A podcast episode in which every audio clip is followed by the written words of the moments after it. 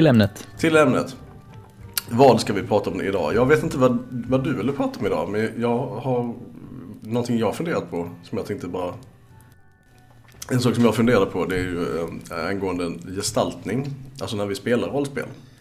Varför är det så mycket saker som... Hur, hur kommer man fram till att det är så här vi, det är så här vi ska gestalta våra karaktärer? Bryt ner det och du har som regel igenkänn, alltså grejer, saker som man känner igen i spel. Det är, du har eh, dina stats. Det är ett sätt, det är en abstrakt representation av din karaktär. Och sen så har vi då gestaltningen. någon de tillsammans liksom eh, hjälper dig skapa en, en bild av din karaktär i huvudet då. För jag tänker liksom, inte så mycket för de andra kanske, men för dig så är det, är det de där två sakerna som, som låter dig bygga på din, vidare på din karaktär. Och när man tänker sig hur man ska spela ut sin karaktär så tenderar vi att göra vissa saker. Alltså vi har... Vi tenderar, vi, vi tenderar att skådespela på ett visst sätt. Vi delar med oss av vissa delar av vår karaktär på ganska bekanta återkommande sätt. Hur har det blivit så? Man brukar inte, det är sällan man snackar om typ att fan vad min karaktär är hungrig eller eh, nu är eh, jag, ska, jag har inget karaktärsnamn i huvudet, Impala. Nu är Impala jättehungrig. Eller han behöver verkligen gå, gå och skita. Eller något sånt här. Eh, det är ju en, en del av, det där är inte så himla intressant liksom att rollspela kring kanske heller. Men det finns ju andra sidan att man låser in sig i ett sätt att tänka som jag eh, ser som intressant och potentiellt problematiskt eftersom vi inte reflekterar om vad det är vi gestaltar för någonting. Eh, om man ska vara lite normkritisk så är det ju så man eh, bidrar till att reproducera giftiga stereotyper och dåliga saker helt enkelt. Sånt som inte alltid kanske är så himla bra. Mm, jag tänker lite grann att vi försöker ju emulera film och andra medier i vårt rollspel många gånger. Det är ju ofta som, som jag upplever att man behöver man behöver ha en ganska stor ryggsäck med Eh, inspiration när man går in i ett rollspel. Kommer man som helt nybörjare och aldrig har läst en fantasybok och ska, sen ska man spela Dungeons and Dragons så tror jag att det är väldigt komplicerat. Men så att jag tror att det, det finns någon form av grundantagande att man har inmundigat en massa nördkultur och att man sen är sugen på att återskapa de berättelserna och den fiktionen. Eh, och sen liksom prova sina egna vingar och hitta på egna saker som man vill göra i de världarna. Så att jag tänker att liksom, grunden är på något sätt att vi ska återskapa sånt som redan finns många gånger. Eller vad tror du om det? Men när du säger grunden så låter det ju alltså avsiktligt. Undrar. Ja, nej, det menar jag kanske inte att det behöver vara. Men, eller det är på något sätt ett eh, antagande som jag tror att man måste vara med på. Undermedvetet i varje fall. Jag kan ju köpa att det finns liksom ett implicit att det, det är enligt den här stilen så spelar vi. Men det är ju väldigt implicit. Alltså vi, vi, jag kan inte komma på att jag har varit medveten om det. Och det är därför jag, jag blev så liksom, nu när vi, eh, det typ så här innan man skulle somna igår. Jag bara kom att tänka på, shit vi har ju, jag tänker ju typ aldrig på varför det är varför gestaltar jag mina karaktärer som jag gör? Det, det kan inte vara det enda sättet naturligtvis. Och det är också väldigt, eh, jag menar, ska man se till hur man gestaltar sina karaktärer och vad man problematiserar eller inte problematiserar. Som alltså är det ju, beror det ju på, jag som cis-man, hetero, eh, har ju liksom en massa saker som inte är problematiska för mig. Som jag inte tar upp i mitt spelande. Eh, det här kommer lite grann av att vi började spela Dream Askew. Där jag försökte så här, i efterhand fundera på lite grann, vad är det egentligen? Ja, jag faller tillbaka på, jag var lite trött i huvudet då så jag föll tillbaka på liksom en ganska ganska jag-karaktär. Som är rätt typisk för mig. Men jag reflekterade aldrig särskilt mycket om när vi höll på med det, liksom, vad, är det, vad är det jag spelar och varför. Men i efterhand så blev det, ja fast vad har jag missat? Jag, jag gör kanske massa antaganden om min karaktär som inte nödvändigtvis behöver vara sant. Och särskilt inte i ett spel med, som eh, Dreamers Q där man ska eh, jag tror premissen är väl att man spelar liksom ett kollektiv, ett queer-kollektiv av människor under en pågående apokalyps. Liksom. Man, mm. man kan ju ifrågasätta liksom, sitt egna gestaltande i ett sånt scenario. Det är lite intressant för det lyfter, lyfter ju fram liksom vad är, vad, vilken del, vilka delar av min gestaltning är sånt som jag bara tar för givet och inte reflekterar kring. Och så visar det sig att det är egentligen allt. Jag reflekterar inte kring mitt egna gestaltande på det viset. Det är bara typ man gör en, en, en, en standardperson eller en standardkaraktär som har väldigt lite substans egentligen. Vilket också frustrerade mig för att det liksom, man trodde man hade bättre pejl på sitt karaktärskapande. Liksom, att det var lite mer eh, bakom det. Men det är egentligen jätteytligt. Jag vet inte. Det är ju jätte, jätteintressant tycker jag. För jag, det verkar som att du har kommit, kommit till någon form av upplyst eh, punkt. Som förvirrad, förvirrad punkt kanske? Men det... Ja men upplysning ja, leder ju ofta till förvirring eller tvärtom. Um, men för, för mig så känns det på något, på något sätt självklart. Jag vet inte. Jag tror att jag försöker alltid att, försöka, att skapa nya karaktärer som inte är som de som jag gjort tidigare. Jag försöker det eh, i alla fall. Sen är det inte alltid som man lyckas.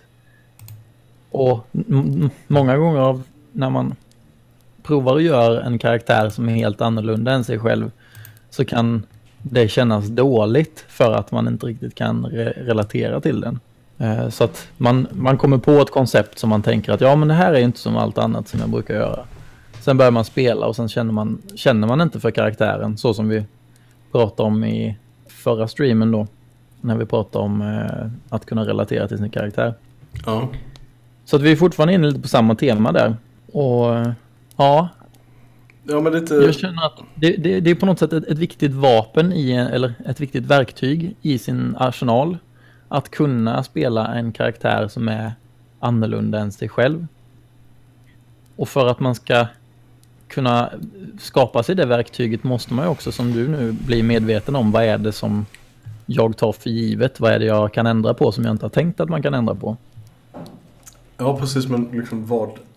Jag utgår från en, en, en upplevelse som är präglad av mina intryck det är väldigt svårt att veta vad man missar. Att, eh, jag tänkte, alltså det här börjar ju egentligen med att jag tänkte liksom mer i, eh, ja vad ska man säga. Ja men varför, varför vad är det liksom man missar? För det man, det man ser när man gestaltar och samma sak när man skriver en, en karaktär. Eller en värld överhuvudtaget egentligen. Är ju att man ser världen genom ett litet, litet hål. Och det jag väljer att beskriva om min karaktär och lyfta fram genom gestaltningen är ju också samma sak, en liten, liten del av det. Eller, jag menar, i ett, i ett bra scenario där man har liksom en, en välrundad karaktär som, som man förstår så är det kanske inte hela bilden. Det vi alla vill ha i alla fall, eller jag säger inte alla, men det, man, det jag vill ha är ju en, en, karaktär som är så komplett så att det känns som att det är en liten, liten del jag visar upp. Men att det finns mer. Jag har resten av karaktären i huvudet. Och varför det blir varför det blir just de, de, vad är sakerna som är i blickfånget liksom? Och varför är det de sakerna i blickfånget? Är inte något som jag har reflekterat över. Jag ska, vi, ska, vi har fått en, en, en skriv, skrivelse, höll jag ja. på att säga, i eh, chatten här från uh, Tusha Lover. Tusha Lover. Hur vi tänker kring gestaltandet utifrån en referens. Antingen från en bok eller liknande. Alternativt om jag vill spela en karaktär med social fobi och baserar karaktäriseringen på karaktären, av karaktären på vänner jag har som lider av social fobi och hämtar beteendemönster och uttryck därifrån. Ja, jag tror ju, jag tror ju som, som det här som eh, Tor skriver här med, med att eh, basera karaktäriseringen på någon som man känner eller någon som man, eh, ja men någon som finns i verkligheten. För mig är det ett ganska ett ganska viktigt verktyg för att göra karaktären verklig. Eh, eller för att jag i min karaktärisering ska känna att det här är en riktig person. Jag kan många gånger känna att om man gör en karaktär som är lite over the top Ja. eh, så är det rätt, rätt lätt att man hamnar på stereotyper för att det är inte baserat på någon verklig människa. Utan det är baserat på just en stereotyp. Så att de gångerna som jag känner att jag har lyckats bäst med att karaktärisera någonting nytt externt som inte jag egentligen kan relatera till. Det är då när jag har tagit inspiration från verkliga människor och, och ehm, försökt, försökt sätta i de, de människorna i den här situationen. Hur tänker jag att de hade reagerat? Och även fast det inte är säkert att det är så som de hade reagerat så får jag ändå en känsla av att det är på riktigt. Har du någon sån erfarenhet? Nej.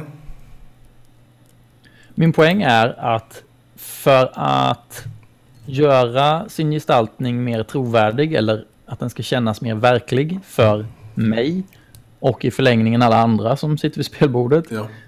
så kan man ta inspiration av verkliga människor och eh, försöka föreställa sig hur de hade tacklat de här situationerna för att då få in nya karaktärsdrag i sitt spelande. Det var en lång mening, jag ber om Ja, ursäkt. ja, nej, ja, ja det, det är tidigt. Jag har inte, eller tidigt, det är inte tidigt, men kaffe. Ja, nej, jag har inte, jag har inte tagit inspiration av, av en riktig människa. Eller historisk person så. För det. Jag har, det, det här är jättefjantigt. Jag vet inte hur många av er som har sett Supernatural-serien. Ja, Jag har inte sett den. Du har inte sett den? Okej. Eh, nu ska vi se, jag kommer säkert säga fel, men eh, Dean eh, Winchester, eh, karaktären den- den blonda, korthåriga killen. Han var ju inspirationen, nu tar jag upp min favoritkaraktär igen, Impala. Min driver från Apocalypse World. Eh, han... Där var det ju en väldigt användbar referens för mig som spelare att tänka, vad hade Dean gjort? Om vi nu är, tonar ner eh, typ de supervåldsamma Mm. tendenserna lite grann för att han är, han är de döda monster liksom. Och han är kanske lite, lite rubbad på sitt sätt men en, en person som alltid vill göra rätt och hjälpa andra. Och sen att han kanske gör det lite, med, lite klumpigt ibland, det är en annan sak. Eh, Men där hade man ju liksom en inspiration att gå efter. Mm. Ja, men det är väl, eh, ja, det är väl en en referens så bra som någon. Och det, det är väl precis det som Torshäll eh, skriver om. Liksom. Så jag tänker att det är ett väldigt bra eh, verktyg. Ja, Jag vet inte. Jag vet inte om det är taskigt eller sådär egentligen. När jag... det är någon gång nu på senare tid som jag tänkte att jag skulle spela liksom en dålig ledare eller någon som är unfit for their nej. eh, leadership. Då, då har jag tagit eh, min, eh, min förra chef liksom. Ja, jag tänkte att var att du- Ja men eh, det har varit superbra. Och, och, och ska jag vara helt ärlig så på något sätt så gör det både karaktären i spelet mer mänsklig och den karaktären, eller jag menar människan i verkligheten, mer mänsklig. Genom att jag utforskar de svårigheter som en, en, eller en människa som är på det sättet, hur den är, beter sig i spelet och hur den hanterar olika utmaningar. Då får jag ju på något sätt också mer förståelse för personen i verkligheten. Även ifall situationen inte är de samma. Men det gör ju ändå på något sätt att ja, gestaltningen för mig har i alla fall underlättats väldigt. Av att ha, ja men så som du sa, eh, what would Jesus do? Eller vilken karaktär man nu väljer. Sa jag det? Nej, du sa what would Dean do? Ja, okej. ja. ja. Där, ehm, där stöter man också på patrull när man inte har liksom det är ju det är ju en sak att en sak att göra den typen av referens eh, utifrån ehm, en känd, alltså man har en karaktär som man kan peka på och som man har känner till antingen på riktigt eller via film eller bok liksom. Men om man ska spela en karaktär som man inte har referensramar för. Det finns ingen, man känner inte till någon jag har inte konsumerat någon media liksom där, där den personen finns med eller man har inte träffat den, du har träffat personer som har samma utgångspunkt eller perspektiv på livet. Då blir det mycket svårare. Då får man ju försöka... jag är väl mer liksom i det här stadiet om man vill, vill ifrågasätta liksom titta på va, vad det är man gestaltar. Det kanske man andra sidan gör mycket lättare om man har massa eh, exempel på andra sätt att gestalta andra frågor som är viktiga. Vad tror du?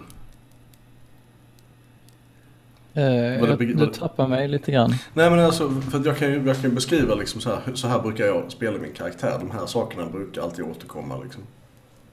Ja. Så här förhåller sig jag och min karaktär till världen. Eh, och det, det, är ju det är svårt, kanske på e- egen hand, liksom komma fram till vad det är man alltid gör. För för mig så är det typ så det är.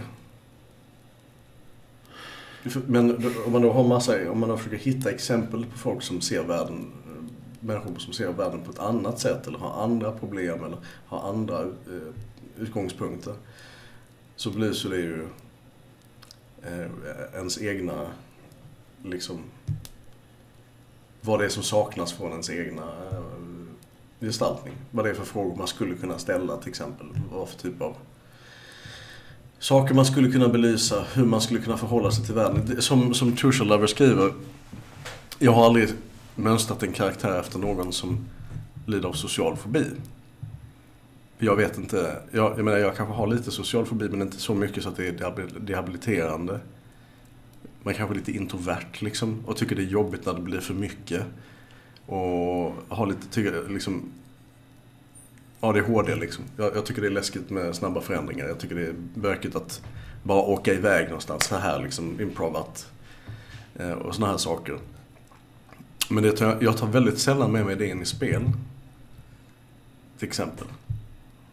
Medan andra typer av fobier, andra typer av eh, liksom, problem man kan ha eller uh, olika sätt att vara på liksom, har, har man inget perspektiv kring. Det är svårt att le. Empatin tar en, en viss sträcka men inte hela vägen. Så. Nej. Jag känner ibland att när jag ska göra karaktärer så tänker jag nog först ur ett berättelseperspektiv. Vad hade passat i, i den här gruppen som vi nu håller på att skapa. Så om det nu är eh, om det är två stycken som är på ett visst sätt så kanske jag ska vara på ett annat sätt för att kontrastera de andra karaktärerna och så. Och ibland så hamnar jag i en situation där jag känner att, eller ja, både av den anledningen och att ja, nu har jag mest spelat timida karaktärer eller så som, eh, som inte vågar säga vad de tycker eller som är osäkra eller sådär. För att det är en bollpark som är närmare min egen personlighet och att man då tänker att nu vill jag prova en annan karaktär som kanske är mer utåtagerande. Men sen när man, när man sitter där, eh, så här, man, när man har provat det ett par gånger, så sen när man då hamnar i den här situationen att man ska välja igen, så är det lätt att man tänker att ja, fast jag tycker ju inte att det är lika roligt att vara en utåtagerande karaktär. För att för mig är det svårare att gestalta för att det är längre bort från mig själv. Jag måste jobba mer. Jag har lite svårare att sätta mig in i vilka, vilka utbrott man, eh, som är rimliga att få. I och med att jag själv aldrig får eh, några direkta utbrott så jag kan liksom inte hämta inspirationen därifrån. Men har jag då någon eh, ja, bekant eller någon karaktär som man kan tänka på vilken typ av utbrott den får så skulle man ju lättare kunna stoppa in det i sitt, eh, i sitt spel. Eh, vad har Torsalov skrivit här nu då? Ska jag läsa frågan? Ja, det är inte en fråga verkar det som. Eh, det här knyter ju an rätt mycket till normer. De karaktärer som på olika sätt befinner sig utanför normen kommer inte finnas representerade i diverse media eh, i stor mån. Och ofta socialiserar vi i grupper som är rätt homogena eller lika oss själva. Så tillhör vi inte själv en grupp som är utanför normen känner vi förmodligen färre personer som kan vara referens för normbrytande karaktärer. Ja, det är väldigt, det är väldigt sant. Ja. Och, men det är också det som är så härligt nu när du har fått den här uppenbarelsen, eller vad vi ska kalla det för, med Dream Askew. För att det spelet tvingar dig att gå utanför din vanliga karaktär. Fast det gör ju inte det. Så mycket upplevde jag. Och det kan ju, här kan ju vara för att jag har Ah, okay. Det här kan ju vara också för att jag inte har läst reglerna ordentligt. Eh, men jag kände mig inte särskilt tvingad att göra det. Alltså mer än på ett väldigt ytligt sätt. Nej, okej. Okay. Tvingade kanske fel ord då, men det fick dig i alla fall att tänka, tänka lite utanför det du brukar tänka på. Ironiskt nog så var det just det här att inte ha läst reglerna som fick mig att tänka. För att eh, jag, jag kommer tillbaka till det att, att eh, ha läst vad det, vad det står i texten. Och det är ju menat, som jag förstod det igen, att, att det här kollektivet man spelar ska vara, vara ett queer-kollektiv. Man är sådana som var, personer som var utstötta redan, eller liksom hade en problematisk tillvaro redan, redan i uh, katt. Redan i början, alltså innan apokalypsen och nu är det liksom nu är, är den här, så här clutching together to survive eh, scenariot. Mm. Jag hade ju bara gjort en, eh, en karaktär som, han har, han har ju inga skavanker som så. Jag har inte kommit på det, men för att jag, jag gjorde en default-karaktär som är typ en, en skäggig, basically jag fast med en väst och, och mer social kompetens liksom. Så att det, ja. jag, har, jag har liksom inga sådana här direkta, jag knyter inte an till det som spelet vill att jag ska spela. Eller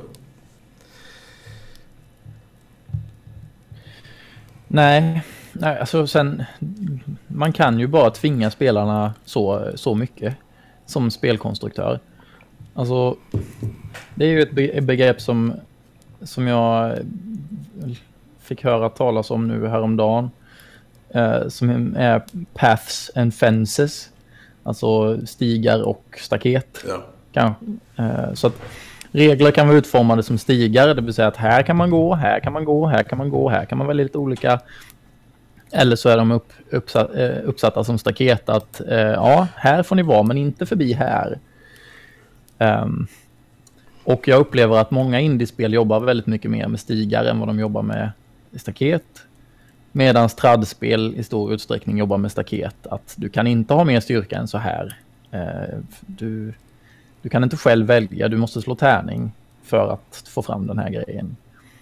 Ehm, och den, den typen av re begränsande regler för att folk inte ska bryta systemet eller att det ska bli orättvist eller obalanserat. Men i alla fall, um, ja, men i alla fall indiespelen bygger mycket på att spelarna vill bli styrda. Att man vill ta de här, att man litar på spelskaparen. Att de här stigarna är roliga att gå på. Eh, för med i fallet med staketen är det lite grann som att hmm, varför har spelskaparen satt upp det här staketet? Tänk om det finns något roligt på andra sidan. Eh, och så blir man mer intresserad av vad som finns på andra sidan staketet och vara så nära staketet som möjligt snarare än att vara eh, i mitten av lekplatsen där man ska vara. Eh, en liten, ett litet sidospår.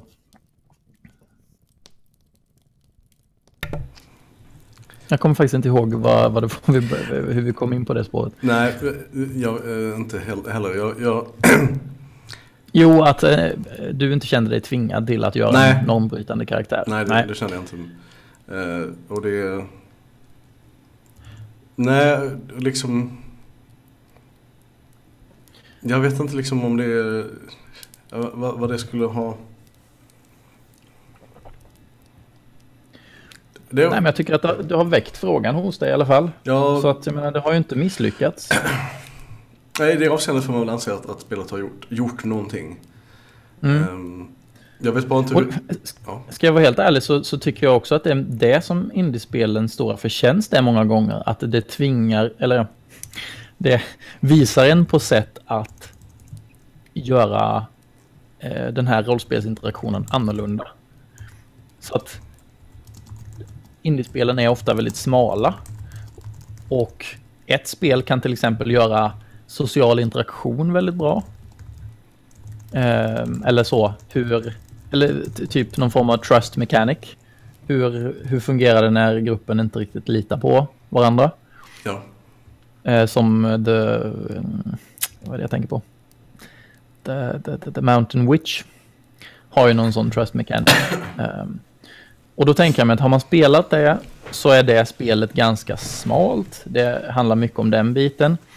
Men att det sen är en teknik eh, som man kan ta med sig vidare till andra spel sen. Så att indiespelen syftar mycket till att eh, visa på nya sätt att göra saker på som spelarna sen kan ta med sig. Alltså jag tycker det är lite starkt, nu kommer, vill jag inte munhugga så mycket men jag tycker det är lite starkt att säga att, att de syftar till det. Men det, det är Eh, väl, ja, nej, okej. När- Eh, Men eh, Mm. jag menar kanske mer att det är en bieffekt. ja, okej, det kan jag köpa. För annars blir det ju som att alla, alla tradspel har liksom en hive mind och alla indiespel har en hive mind som de delar. Eh, och, och allting, ska, allting går åt ett visst håll. Det finns, så är det ju inte. Nej, det är klart. Ska vi, ska vi lämna den eh, frågeställningen? Ja, det kan vi göra för jag fick, kom på en helt ny om inte du har en. Jag kom på en som du har sagt, sedan tidigare. Okej. Det här med eh, vad vi visar upp, vad vi väljer att eh, gestalta och prata om under spelet. Jag ska bara skriva den här. Så.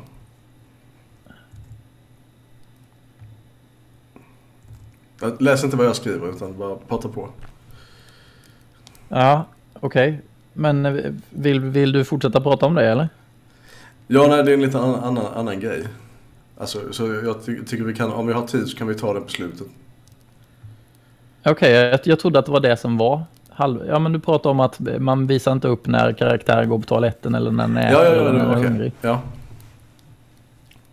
För jag, jag, för jag ref, reflekterade kring varför, varför det är så. Mm. Och jag tänker att det beror mycket på samma sak som i film. Att man kan inte visa upp allting. Man kan inte visa upp en he, hela personens liv. Eh, man måste välja vad man visar upp. För att man har bara så mycket tid. En film kan inte vara mycket mer än tre timmar.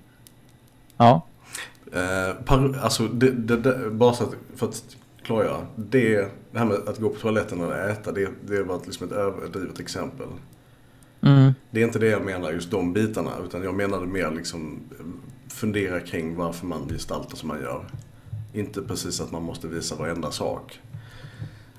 ja okej. Utan mer, vi har ju, Men jag, jag tänker att det, det, det faller tillbaks ändå lite grann på samma, samma tidsbrist.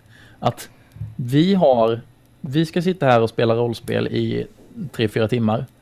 Och det här samtalet vi har, ifall inte vi tycker att det är intressant, vad sitter vi då här för överhuvudtaget? Ifall, ifall eh, Daniel bara vill prata om hur han går på toaletten, så kanske inte någon annan tycker att det är intressant. Och, som sagt, ett extremt exempel. Men ändå, om, om eh, eh Emil vill eh, bara spela strider och eh, Tove vill bara spela relationsdrama eh, och jag vill helst utforska eh, någon, någon skog någonstans kanske. Då tänker jag att det samtalet kommer vara på varandras bekostnad. När Tove vill prata relationsdrama så får inte jag utforska den här skogen. Jag kommer tycka att det är tråkigt. Och när sen när det är strid som Emil vill så kommer eh, vi två tycka att det är tråkigt.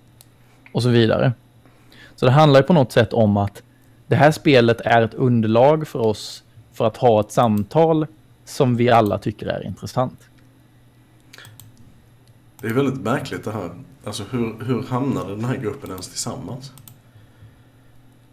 Ja, nej, det kan man ju undra. De hade inga andra att spela med. Nej, det, det var så. Då får man hitta ett, ett, ett, med, ett mellanting som typ inte är för avsmakligt eller roligt för någon. Eller så spelar man helt enkelt eh, tre olika spel. Ett, spe, ett indiespel som fokuserar på relationsdrama, ett indiespel som fokuserar på strid och ett som fokuserar på att utforska en skog. Så har man liksom gjort klart. Det, han, det, det är också det här med det sociala kontraktet. Att har man så tre skilda preferenser så blir det sociala kontraktet, alltså varför vi spelar, eh, någon form av eh, överenskommelse mellan spelarna att det är det här som vårt spel ska handla om. Och det är lite lättare ifall man har smala spel. För då vet man att nu när vi spelar OSR, då ska det inte handla om relationsdrama. Men i tradspel så är det ju väldigt öppet. Och det är också lite därför jag tror att många... Ja, det, när man spelar trad är det viktigare att prata om sociala kontrakt. Vad är det för typ av grejer vi vill spela? För att det är inte självklart eller givet av spelet. Vad var det, var det något annat du ville prata om? Ja. Om det här känns som ett sidospår. Uh, nu har jag i alla fall fick, fått sagt vad jag kände uh, att jag ville säga som replik på det som du uh, sa innan. Ja.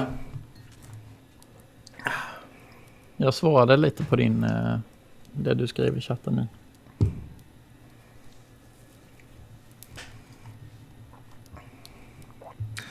Justice of Care Mediation. Ja, nej, jag, jag, jag tycker jag tycker det är väldigt intressant. Ja, men det är, jag tänker det är det, är det här med eh, att vara objektiv eller subjektiv. Att kort och kort vara, du, du är så irrationell Peter. Vad menar du? Nej men, nej, men alltså istället när, när du gör, no man gör någonting som man inte tycker är... Jag tror vi har snackat om detta i ett avsnitt tidigare. Men det här med när, när, när någonting händer som man inte vill. Så är det, ligger det nära till hands att säga att den andra personen är irrationell. Ja. När, man, när man inte får sin vilja igenom. Liksom, alltså det är en typ, nästan, nästan, det är väl typ en hör väl till en slags härskarteknik nästan. Att, att avfärda en annan persons eh, eh, kanske helt giltiga åsikter som irrationella. För att, eh, alltså om de är baserat på något annat än, än, än ett sånt här mekaniskt och objektivt eh, regel. Mm. Förstår du vad jag menar? Ja, jag vet inte om jag pratat om det så, men... Eh, ja, Va, vad som är ett rationellt argument för att det är något som jag vet att jag har funderat mycket på och pratat om också, när jag, särskilt när man pluggar. Vad är rationalitet? Rationalitet är ju ett begrepp som har ägts av, uh, shockingly nog, män. Kvinnor anklagas i historien i alla fall så, så vill man ju till exempel inte släppa in kvinnor på universitetet för att de kunde ju de var ju inte lagda åt, åt rationell, eh, rationella akademiska studier utan var mer lagda åt känsloargument och, och liknande. Eh, mm, som, som, som att eh, liksom, den, den objektiva rationalitet man skapat åt sig själva som var, var, var liksom intrinsikalt mycket mer värdefull eller hade mer sanningshalt än, än eh, Ja, jag tror det, det känns som en det ju, Ja, det är någonting man hör ofta i, i, uh, i förskoleklassen där jag jobbar till exempel. När de slår tärning och så bara Ja men varför gick det inte för mig nu? Jag vill ju, jag vill ju vinna. Det, det, är argument nog liksom. Jag ville inte bli tagen i den här leken. Nej, just det. Det, det var ingen som, det är ingen som vill det. Leken går ut på att man inte ska bli tagen. Nej, men jag... Det kan man ju tycka är rationellt, men äh, ja. Man, man tittar på, äh, alltså ähm är vi inte inne på ett eh, sidospår nu? Ja, jo, det är vi. Eller var, var det det här du ville prata om? Nej, det var det inte. Äh, jo, alltså den grej jag gärna pratar om. Men det är, ett ja. sidospår, det är ett sidospår från det vi började prata om. Men jag vet inte om jag har så mycket mer. Det var mer liksom en observation. Alltså, så här, ja, jag har tänkt på detta. Så vi inte ska traggla vidare på det så ja, vi kan prata om något annat.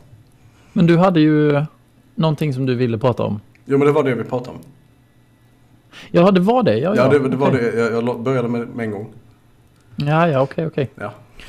Förlåt, jag missförstod dig. Det är ingen fara.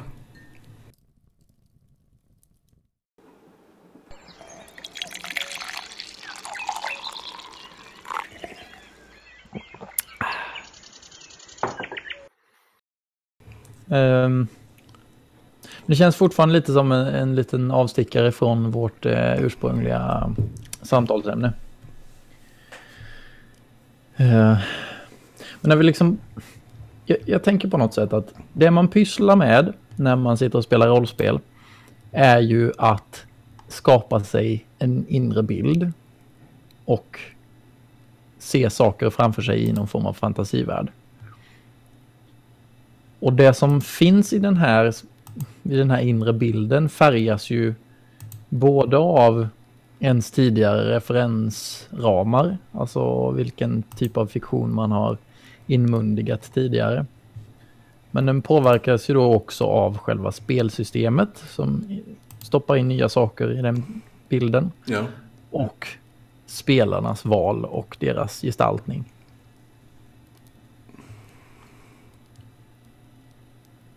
Så att gestaltningen är ju en väldigt stor bit. För, för mig så upplever jag att spelet är som mest levande när man har när man gestaltar sin karaktär, när man spelar sin karaktär och eh, har dialog med någon. För det är då på något sätt också som fiktionen eh, alignas, eller vad man ska säga, med det som är vid spelbordet. För om man, ja, en karaktär som är på, som slåss mot en, eh, eh, mot en drake, där är det, ja, det händer i fiktionen, men vid spelbordet så sitter vi och, och slår en tärning istället för ett svärd. Eh, Men när man har en, eh, en konversation så är ju det som händer i fiktionen två karaktärer som har, eh, som har ett samtal. Och vid bordet så är det också två karaktärer som har ett samtal. Eller två personer.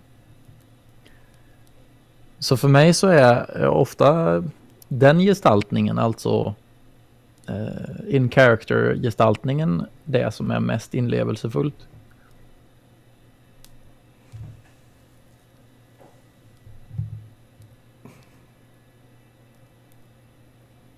Ja, ja. Jag har inget att... Ja. En bra, men då spikar vi det. Ehm, dialog är alltså det som är bäst för inlevelsen, har vi nu bestämt här i Rollspelsfika. Daniel har eh, godkänt detta. Eh, just det. Eller vad, vad tycker du? När, när har, har du som mest inlevelse, eller vad man ska säga? Det, ja, jag skulle inte säga att det var fel vad gäller dialog. För det är det ju. För mig också. När man har en... Men det behöver inte alltid vara... Jag skulle säga i, fall, i fallet när man har eh, en bra dialog, liksom, när man får ett flow. Alltså när, det är som en bra improvisation. Liksom, att du, du, du lyssnar på mig och jag lyssnar på dig. Och vi har liksom en konversation fast med fiktiva karaktärer.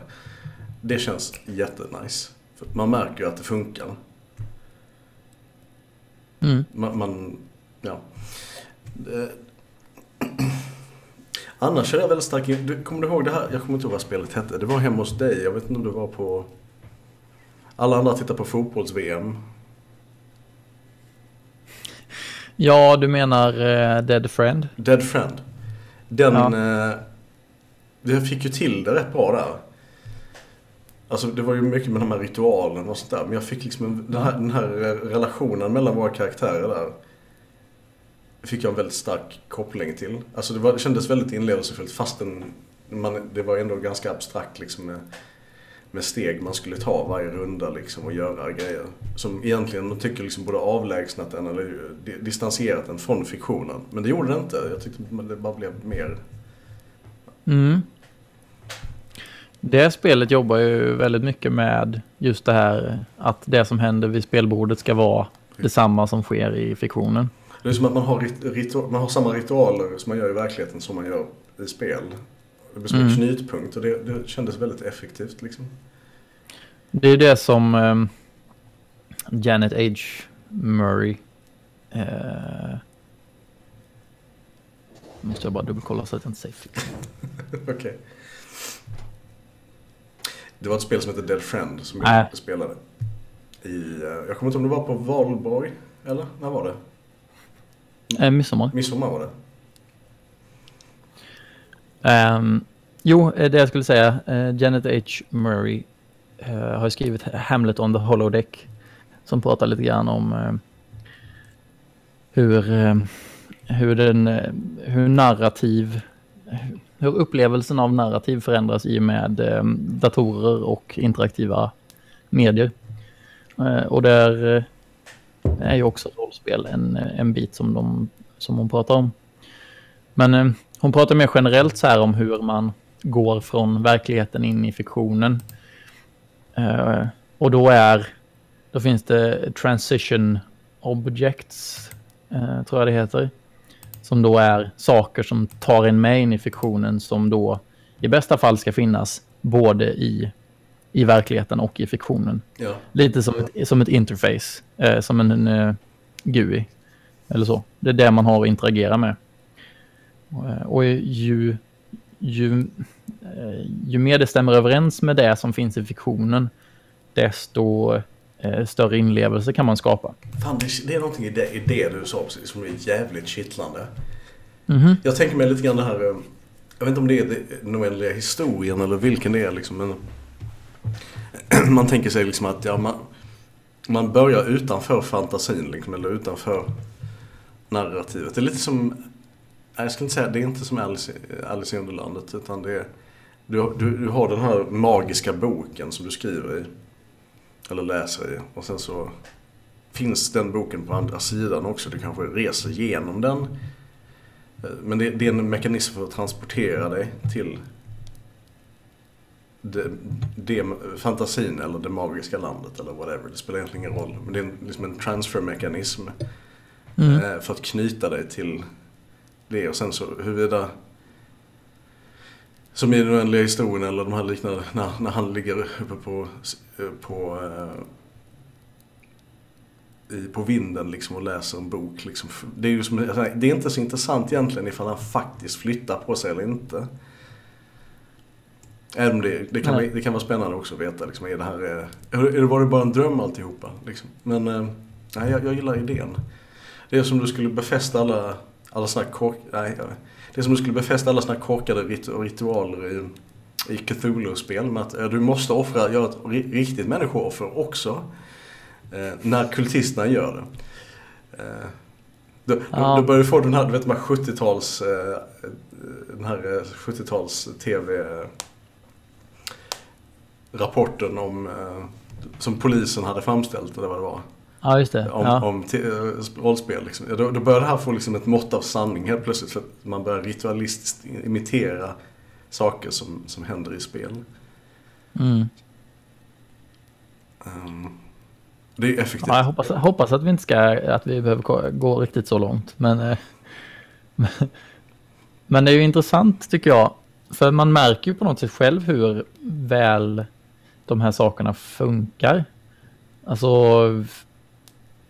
jag tänker som... eh, Ja, alltså det är många indiespel som jobbar med just den biten. Jag tänker mig eh, till exempel då Dread. Där man översätter Förvisso finns det ju inget gängatorn i fiktionen. Dread är ju det här skräckspelet. Där man drar klossar från gängatorn och när tornet rasar så dör en karaktär. Eh, och det är ju det som är så himla bra med det spelet som jag har förstått. Jag har ju tyvärr inte spelat det själv. Men det som alla gillar är ju på något sätt hur... Alltså idén är ganska banal. Liksom, ja, okej, vi, ja, vi skulle lika gärna kunna dra kort eller vad fan som helst. Men det är just det här att det är så många moment med det här tornet som översätts till fiktionen på ett känslomässigt liknande sätt. inte ett praktiskt liknande sätt. Alltså det är inte så att karaktärerna ska dra ur en liten sak ur en stor sak och hoppas att det inte trillar. Utan det kan vara att de ska försöka öppna en dörr väldigt tyst för att eh, eh undkomma den här eh, eh, mördaren eller vad det nu kan vara. Eh, men just den här känslan som båda de, de här två aktiviteterna eh, skapar är de samma i princip. Och att i båda fallen så är det ju det är på något sätt det som står på eh, samma sak står på spel. Att man förlorar karaktären i, i verkligheten och man förlorar karaktären i fiktionen också till följd av precis den här handlingen. Um, men... Så ja, mm. det, det, det, tycker jag. De spelen som har den typen av uh, indie-inslag um, är ju väldigt intressanta. Har du något, personligt, något personligt exempel på, på någon sån här, om vi nu bortser från Dead Friend?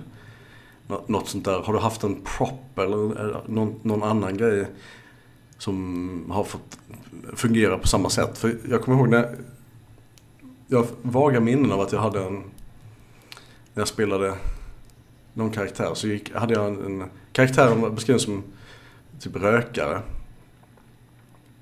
Och gick runt med en zippotändare hela tiden. Så jag hade, hade en liten zippotändare när jag spelade också. Som jag satt och liksom så här stylade med. Som en prop. Ungefär. Samma sak med en pipa förresten. Skulle jag spela en snobbig karaktär som åkte pipa så har jag ju liksom lyckligtvis en, en pipa jag kan använda för att... Liksom, ja, yes. Det förhöjer ju ändå inlevelsen. För mig i alla fall. Men det kanske beror på att man har spexat. Ja, eh, där tror jag att det handlar mycket om förväntningar. För att det är inte alltid som... Det är som med dialekter tänker jag. Att ibland så kan en dialekt förstöra lika mycket som det kan ge. Ifall, ifall det inte är vad man förväntar sig. Men, ehm, dialekt? Men visst, alltså det, det skulle kunna vara en grej. Jag har inte själv eh, experimenterat med det mycket alls. Ehm, däremot en annan sak som är relaterat är ju, jag hade en idé om att man, man skulle ha som typ en hatt eller ett halsband eller någonting som man satte på sig när man var in character. Så att allting det man säger när man har halsbandet på sig är in character. Så, så att det, då blir ju den här, det här halsbandet någon form av transition object ett halsband som karaktären har på sig i fiktionen, men som jag också tar på mig när jag är den karaktären. Uh, jag har dock inte experimenterat med det, men det var en tanke som jag hade. Vet du vad det får mig att tänka på? Att vilja spela väldigt mycket. Nej. Någon slags eh, extremt, något, något riktigt noir-spel. Mm. Man, kan, man har liksom sån här eh, typ eh, däck, hatten liksom. Och, jag kanske inte har trenchcoat på sig inomhus men hela den här eh, liksom sätta på eh, Boren and the Club of Gore. Eh, sån här riktigt mörk noir-jazz, mörk jazz liksom. Och eh, den här dum dum dum, bum bum, bum bum, bum bum. På tal om eh, noir, alltså jag blir så... Eh, eh, först och främst ska jag säga att eh, Simon Pettersson håller på med ett spel som heter Nerver av stål. Som är ett eh, noir-spel. Men som då inte alls, alltså det är ju ett story game. Eh, och inte alls, eh, ja det funkar inte som, eh, som tradspel. Eh, så att många av de här noir-spelen som har en trad eh, en traddplattform eller en, ett tradsystem. De blir ju inte noiriga för att de det är samma pulp som allt annat. Så att det som gör noirfilmer eh, karaktäristiska är ju sättet som man berättar på. Och det jobbar Simon eh, stenhårt med i det spelet. Eh, jag hoppas att jag ska få spela det på Gothcon. Eh, förhoppningsvis med honom. Men i alla fall. Eh, det, där är det verkligen så att du måste du måste prata i dåtid när du, eh, när du eh, är inne i scenerna och sådana grejer. Eh, Och jag tror att det är det som krävs för att hitta riktigt den där, eh, den där känslan. Eh, men sen kommer jag också på att tänka på en annan sak. Eh, jag, fick, jag lägger upp en länk här i, eh, i streamchatten. Ehm, jag, jag, jag pysslat lite med improvisationsteater på skolan nu. Och då har jag tittat lite grann på Whose Line Is It Anyway? Och de har ju ett, eh, en, eh, en övning, eller vad man ska kalla det, som heter Narrate. Eh, eller också eh, An Unlikely Place for a Noir Scene, eller vad det är. Um, och det är så fruktansvärt roligt, för då, då, sätter, de på, sätter de på musik, sån här noir, eh, jazzig musik. Ja. Och sen så har de då sin scen och sen så är det två karaktärer som pratar med varandra. Och sen när som helst kan de gå fram, ta två steg framåt och då göra den här interna monologen. Uh, och det, det, blir ju superstämningsfullt. Någonting sånt skulle jag vilja jobba med i ett noir-spel. Och det är ju också det som Simon gör så att, uh, ja. Finns någon, eh, finns någon information offentligt på nätet om, om det här spelet? Närvaro av stål? Eh, det, det, finns på Story Games-forumet en, en tråd som heter eh, Simon Explains Nerver av stål. Ehm, och sen finns den på rollspel.nu. Och jag vet faktiskt inte hur... Um, Jag vet inte liksom hur man får tag på det senaste, för det är nog bara Simon som har det. Men jag vet att de gjorde en engelsk översättning där på um, Story Games. Uh, som är liksom lite nedbantad på något vis. Vi, gör så här att vi, vi lägger det som ett... Nej, det kommer snart. Det kommer snart. Ja, ja. Vi, lägger, vi lägger det som en klickbar, jag ska se om jag kan peka åt rätt håll också. Klickbar länk här någonstans på YouTube. Ja, eller så, så. bara Ja, okej, okay, det, det, kan vi också göra. Men här kommer i alla fall en länk i den andra chatten. Ja, den går inte att klicka på tyvärr. Så att, uh, den gör ju inte det. Nej. Men uh, vi, vi, fixar en länk till det. Så att man kan klicka på den. Och så kommer det vara i show notesen såklart. Mm. Det går inte heller att klicka på. Men... Lysande. Uh, nu, har vi, uh, nu har vi hållit på en halvtimme. Ja. Och lite till. Och lite till. Känner vi oss nöjda för idag? Jag tycker vi har mjölkat det här ämnet ganska bra ändå. Uh, ja, men det... Det känns, vissa ämnen känns det som att man kan prata om hur länge som helst om. Uh, och att det aldrig tar slut med uh, stickspår och sådär. Och det här kändes som ett ämne som, som inte fick så många stickspår. Och som vi... ja, jag känner mig ganska färdig med det. Ja, men då, då, då säger vi så helt enkelt. Ja. Sen kommer vi säkert på någonting mer som vi skulle ha sagt om det senare. Så är det alltid. Då vill jag passa på att säga till er som lyssnar på den eh, poddversionen av detta. Det är såklart att ni kan som vanligt gå in på eh, Rollspelsfika på Facebook och eh, skriva kommentarer eller höra av er. Ni kan även mejla rollspelsfika gmail.com Eh, och skulle man eh, känna för det så vore det jätteroligt om man eh, gick in på vår Twitch-kanal eller YouTube-kanal.